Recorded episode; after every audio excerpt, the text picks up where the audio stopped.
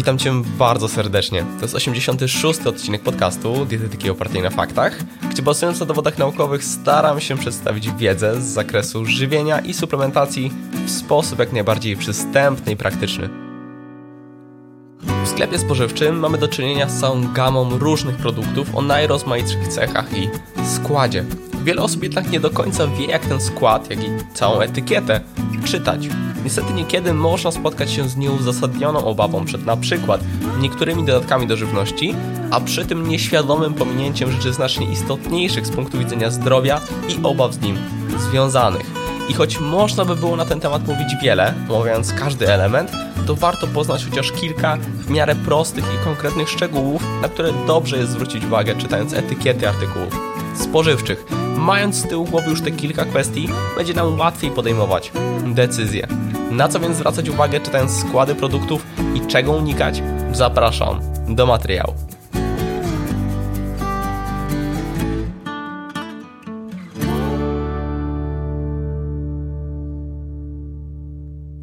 Na wstępie zaznaczę, że informacje znajdujące się na etykietach artykułów spożywczych są regulowane prawnie oczywiście e, i generalną zasadą prawa żywnościowego jest zapewnienie konsumentom podstawy do dokonywania świadomych wyborów dotyczących spożywanej przez nich żywności i uniemożliwienie jakichkolwiek praktyk, które mogłyby wprowadzić konsumenta w błąd.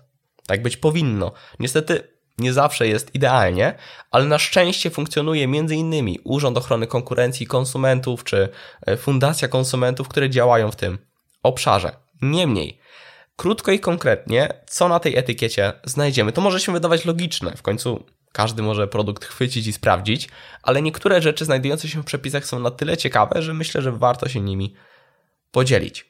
Na etykiecie znajdziemy przede wszystkim nazwy żywności i tutaj warto zaznaczyć, że wyróżniamy dwa rodzaje nazwy. Określane jako nazwa tak zwana fantazyjna, marketingowa oraz nazwa przewidziana w przepisach, zwyczajowa lub opisowa. Ta druga musi znaleźć się na etykiecie, by możliwe było rozpoznanie rodzaju produktu, natomiast dodatkowo może pojawić się i często pojawia się nazwa fantazyjna. I właściwie nie istnieją tutaj żadne reguły, z wyjątkiem oczywiście wprowadzania w błąd konsumentów, co też nie bywa do końca jednoznaczne.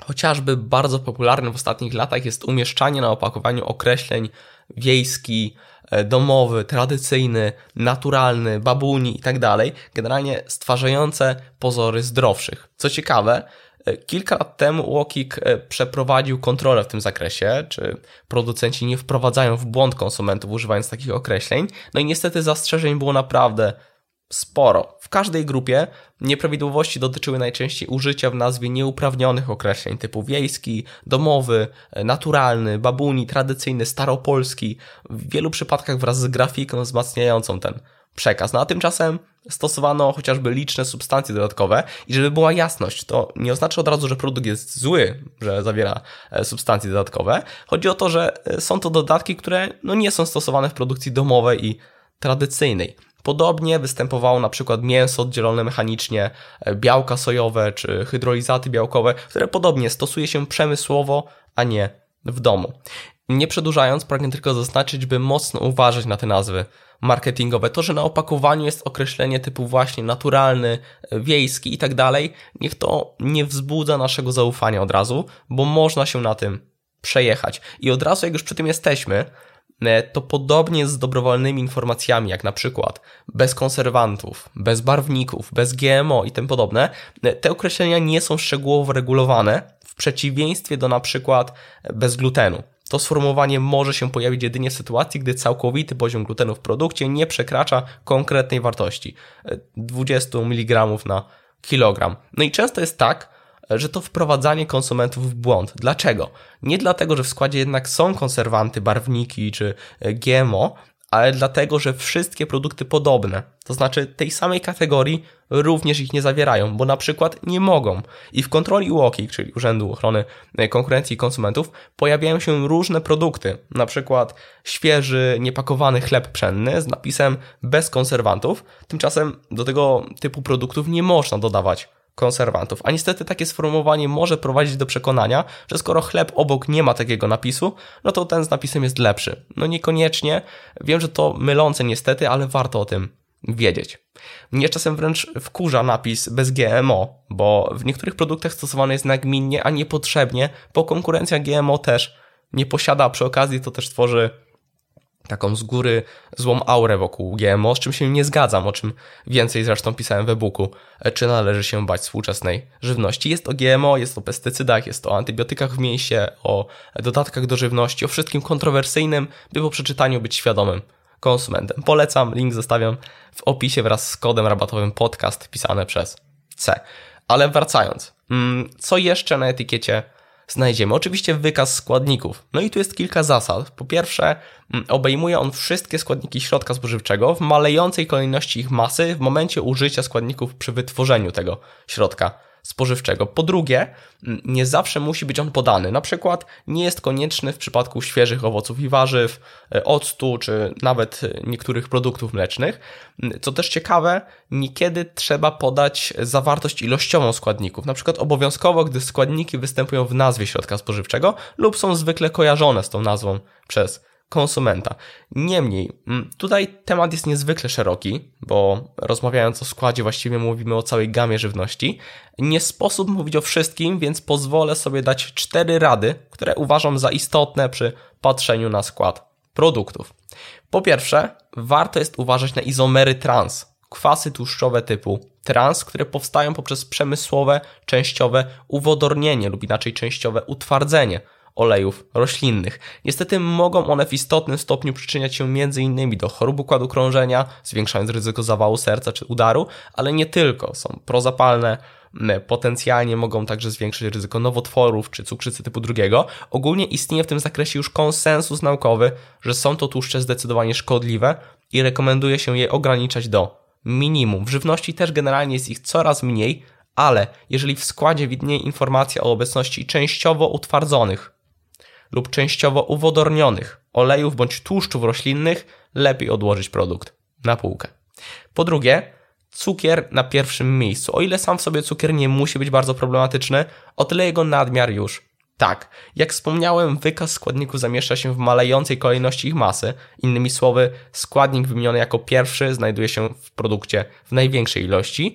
Jeżeli więc cukier widnieje na początku składu, no to oznacza, że stanowi on główną jego część. Warto zwrócić wówczas uwagę na zawartość cukru w produkcie, e, no i przemyśleć zakup. W celu lepszego wyobrażenia dużo daje takie przeliczanie e, na łyżeczki, czyli jedna łyżeczka to jest 5 gramów, a taki produkt z kilkoma, czy tym bardziej kilkunastoma łyżeczkami cukru no nie wygląda zachęcająco. Na przykład w przypadku jogurtu warto wybrać ten bez cukru i chociażby dodać owoce. Po trzecie, ukryty cukier. Teraz będzie długo syrop glukozowo-fruktozowy, fruktoza, glukoza, maltoza, cukier trzcinowy, cukier kokosowy, cukier palmowy, melasa, e, syrop ryżowy, syrop z agawy, syrop klonowy i wiele, wiele więcej, to też cukier. Warto być tego świadomym, e, że określenia występujące w składzie brzmią niekiedy tajemniczo i niestety bywa, że e, jest to po prostu innego rodzaju cukier. Tu również warto zwrócić uwagę na zawartość cukru, no i przemyśleć zakup. I po czwarte, procentowa zawartość. Jeżeli już dżem, to ten z wyższą zawartością owoców. Jeżeli już przetwory mięsne, to te z wyższą zawartością mięsa. Jeżeli już czekolada, to te z wyższą zawartością kakao. Jeżeli już produkt X, to produkt X, a nie podróbka. Czasami naprawdę warto postawić na lepszą jakość i tutaj idealnym przykładem są pączki w tłusty czwartek, typu kup 4 w cenie jednego. Naprawdę polecam jeden prawdziwy, droższy ze smakiem, a nie jak najwięcej jak najtaniej. Nie zawsze to możliwe, ale jeżeli tak, to warto postawić na jakość. Oczywiście kwestii, na które warto zwrócić uwagę jest znacznie więcej. Potencjalnie warto byłoby ograniczać na przykład olej palmowy czy całkowicie utwardzone tłuszcze, wybierać produkty z większą ilością pełnoziarnistych zbóż, a nie oczyszczonych, ale ogólnie zwracanie uwagi już na cztery wcześniej wymienione aspekty może nam przynieść korzyści. Często panuje też takie zalecenie, że im krótszy skład, tym lepiej. Przeważnie tak jest, więc można wziąć to za pewne odniesienie. E, często wiele dodatków do żywności w produkcie świadczy o jego wysokim stopniu przetworzenia. E, to jednak nie jest twarda reguła. Są produkty o krótkim składzie, a dalej kiepskie, a są i również z dłuższym, a wartościowe, więc e, warto czytać i analizować składy, a w większości bazować na produktach nieprzetworzonych czy tak zwanych bez składu. Warzywa, owoce, kasze, strączki, orzechy i wiele innych. No dobrze. Idąc dalej, na etykiecie znajdują się również wyszczególnione substancje lub produkty powodujące alergię lub reakcję nietolerancji. Podkreśla się je za pomocą e, pisma wyraźnie odróżniającego je od reszty wykazu składników, na przykład za pomocą innej czcionki, stylu czy też koloru. Tu nie będę się rozwijał, ale e, to bardzo ważna kwestia. Dalej, to data minimalnej trwałości lub termin przydatności do spożycia. To dwie różne, bardzo różne rzeczy. Data minimalnej trwałości to data, do której dany środek spożywczy zachowuje swoje szczególne właściwości pod warunkiem jego właściwego przechowywania. Najczęściej spotykamy się ze sformułowaniem najlepiej spożyć przed, i tu jest dość odległa data przeważnie. Są też wyłączenia, gdzie nie stosuje się daty minimalnej trwałości, m.in. dla świeżych warzyw i owoców, soli, cukru czy octu. Termin przydatności e, do spożycia to natomiast data, po upływie której zjedzenie produktu może powodować konsekwencje zdrowotne. Jest poprzedzona określeniem należy spożyć do, no i wraz z datą. Pojawia się też opis warunków przechowywania na opakowaniu, na przykład e, trzymać w lodówce.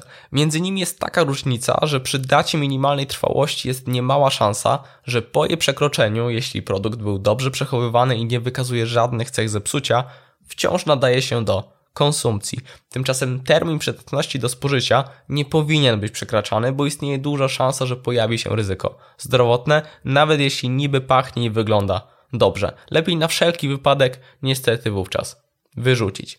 E, jako ciekawostkę dopowiem, że rozważa się rozszerzenie przepisów, gdzie pojawiają się konkretne kategorie żywności, dla których podanie daty e, nie jest wymagane. Rozszerzenie miałoby dotyczyć żywności o długim okresie przydatności do spożycia, takie jak makaron, ryż, herbata e, i tak dalej. Pojawia się też sformułowanie najlepiej spożyć przed, często dobre po. Generalnie e, rozważa się różne opcje jako wsparcie walki z marnowaniem żywności. E, ok, idąc dalej mm, do kwestii także bardzo istotnej, wartość odżywcza, czyli szczególne wartości środka spożywczego ze względu na energię, niezależnie od tego, czy środek spożywczy jej dostarcza i w jakiej ilości, oraz składniki odżywcze, niezależnie od tego, czy środek spożywczy je zawiera, czy nie. No i tak, Obowiązkowe informacje dotyczą wartości energetycznej. W Polsce odczytujemy raczej kilokalorie, e, a także zawartość tłuszczu, kwasów tłuszczowych nasyconych, węglowodanów, cukru, białka i soli. Na zasadzie dobrowolności można uzupełnić też o inne wskazane w rozporządzeniu informacje, np. błonnik, witaminy, składniki mineralne, kwasy tłuszczowe wielonienasycone itd. Tak Wartości te podawane są na 100 gramów lub na 100 ml oraz mogą być przeliczane na porcję lub na jednostkową ilość żywności. E, I tu temat też jest szeroki. Są produkty bardziej i mniej kaloryczne. Warto czasem na to popatrzeć, by e, zorientować się mniej więcej z jakim poziomem energetyczności mamy do czynienia. To się przydaje, żeby czasem naprawdę zobaczyć, jak łatwo można spożyć bardzo duże ilości energii. Mm. Jeśli chodzi o makroskładniki, no cóż, tu kwestia bardzo mocno różnorodna w zależności od cech produktu. Nie będę szerzej się nad tym rozwijał, no bo e, musielibyśmy wrócić właściwie do po prostu podstaw dietetyki.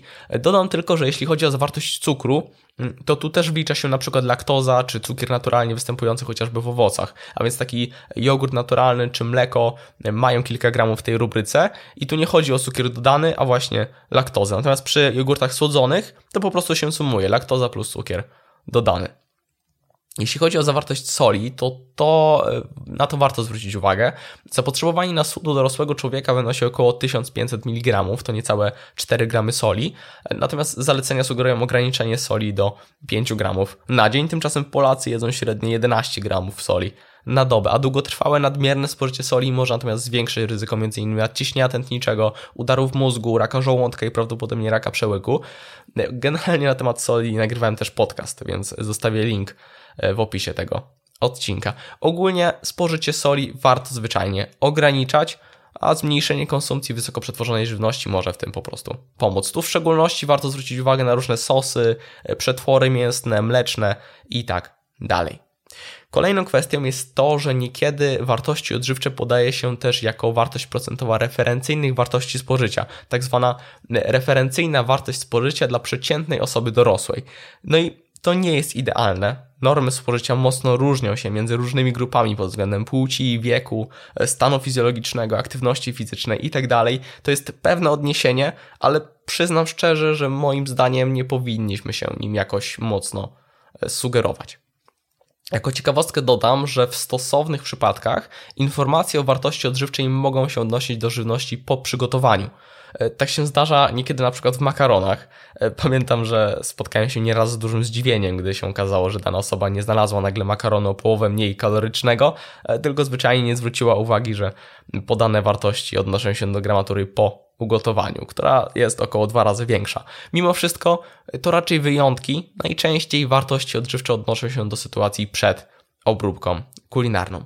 Okay. E, właściwie pozostały już takie rzeczy jak m.in. kraj lub miejsce pochodzenia, ilość netto żywności, różne inne, na przykład instrukcja użycia, w przypadku gdy mm, w razie braku takiej instrukcji odpowiednie użycie danego środka byłoby utrudnione. E, informacja o alkoholu czy dobrowolne informacje. Nie będę już jednak szerzej nad tym się rozwodził, bo to nieco mniej istotne, a to w końcu krótki przewodnik. Powiem jeszcze tylko, że naprawdę wiele jeszcze innych rzeczy jest regulowanych w przepisach, jak na przykład wielkość czcionki nawet, e, a i na sam temat omówionych kwestii można by było omówić znacznie szerzej, wchodząc w konkretne zagadnienia. Mimo wszystko, jako podsumowanie warto zaznaczyć, że z takich etykiet naprawdę sporo można wyczytać.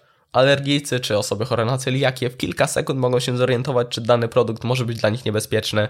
W podobnym czasie można stwierdzić, czy produkt jest już po terminie lub czy po otwarciu należy go trzymać w lodówce. To niezwykle wartościowe informacje, chociażby z punktu widzenia bezpieczeństwa. Podobnie łatwo można zerknąć na wartości odżywcze czy skład i chociaż skład może być dla niektórych tajemniczy, nie wiemy co oznaczają różne symbole E czy e, obco brzmią dla nas niektóre nazwy, to przy odrobinie zaangażowania i czasu można zwiększać swoją wiedzę w tym zakresie. I polecam tu na przykład profil Ani Reguły na Instagramie, niekoniecznie do koszyka, e, powtórzę, małpa, niekoniecznie podłoga do podłoga e, koszyka, gdzie rzetelnie i racjonalnie bierze pod lupę produkty ze sklepów. To ważne, że rzetelnie i racjonalnie, bo na niektórych stronach w internecie sprawdzających skład czasem niepotrzebnie straszą, na przykład przed niektórymi dodatkami do żywności, a okazuje się, że to witamina C albo po prostu dodatki naprawdę potrzebne, a obawa jest totalnie nieuzasadniona.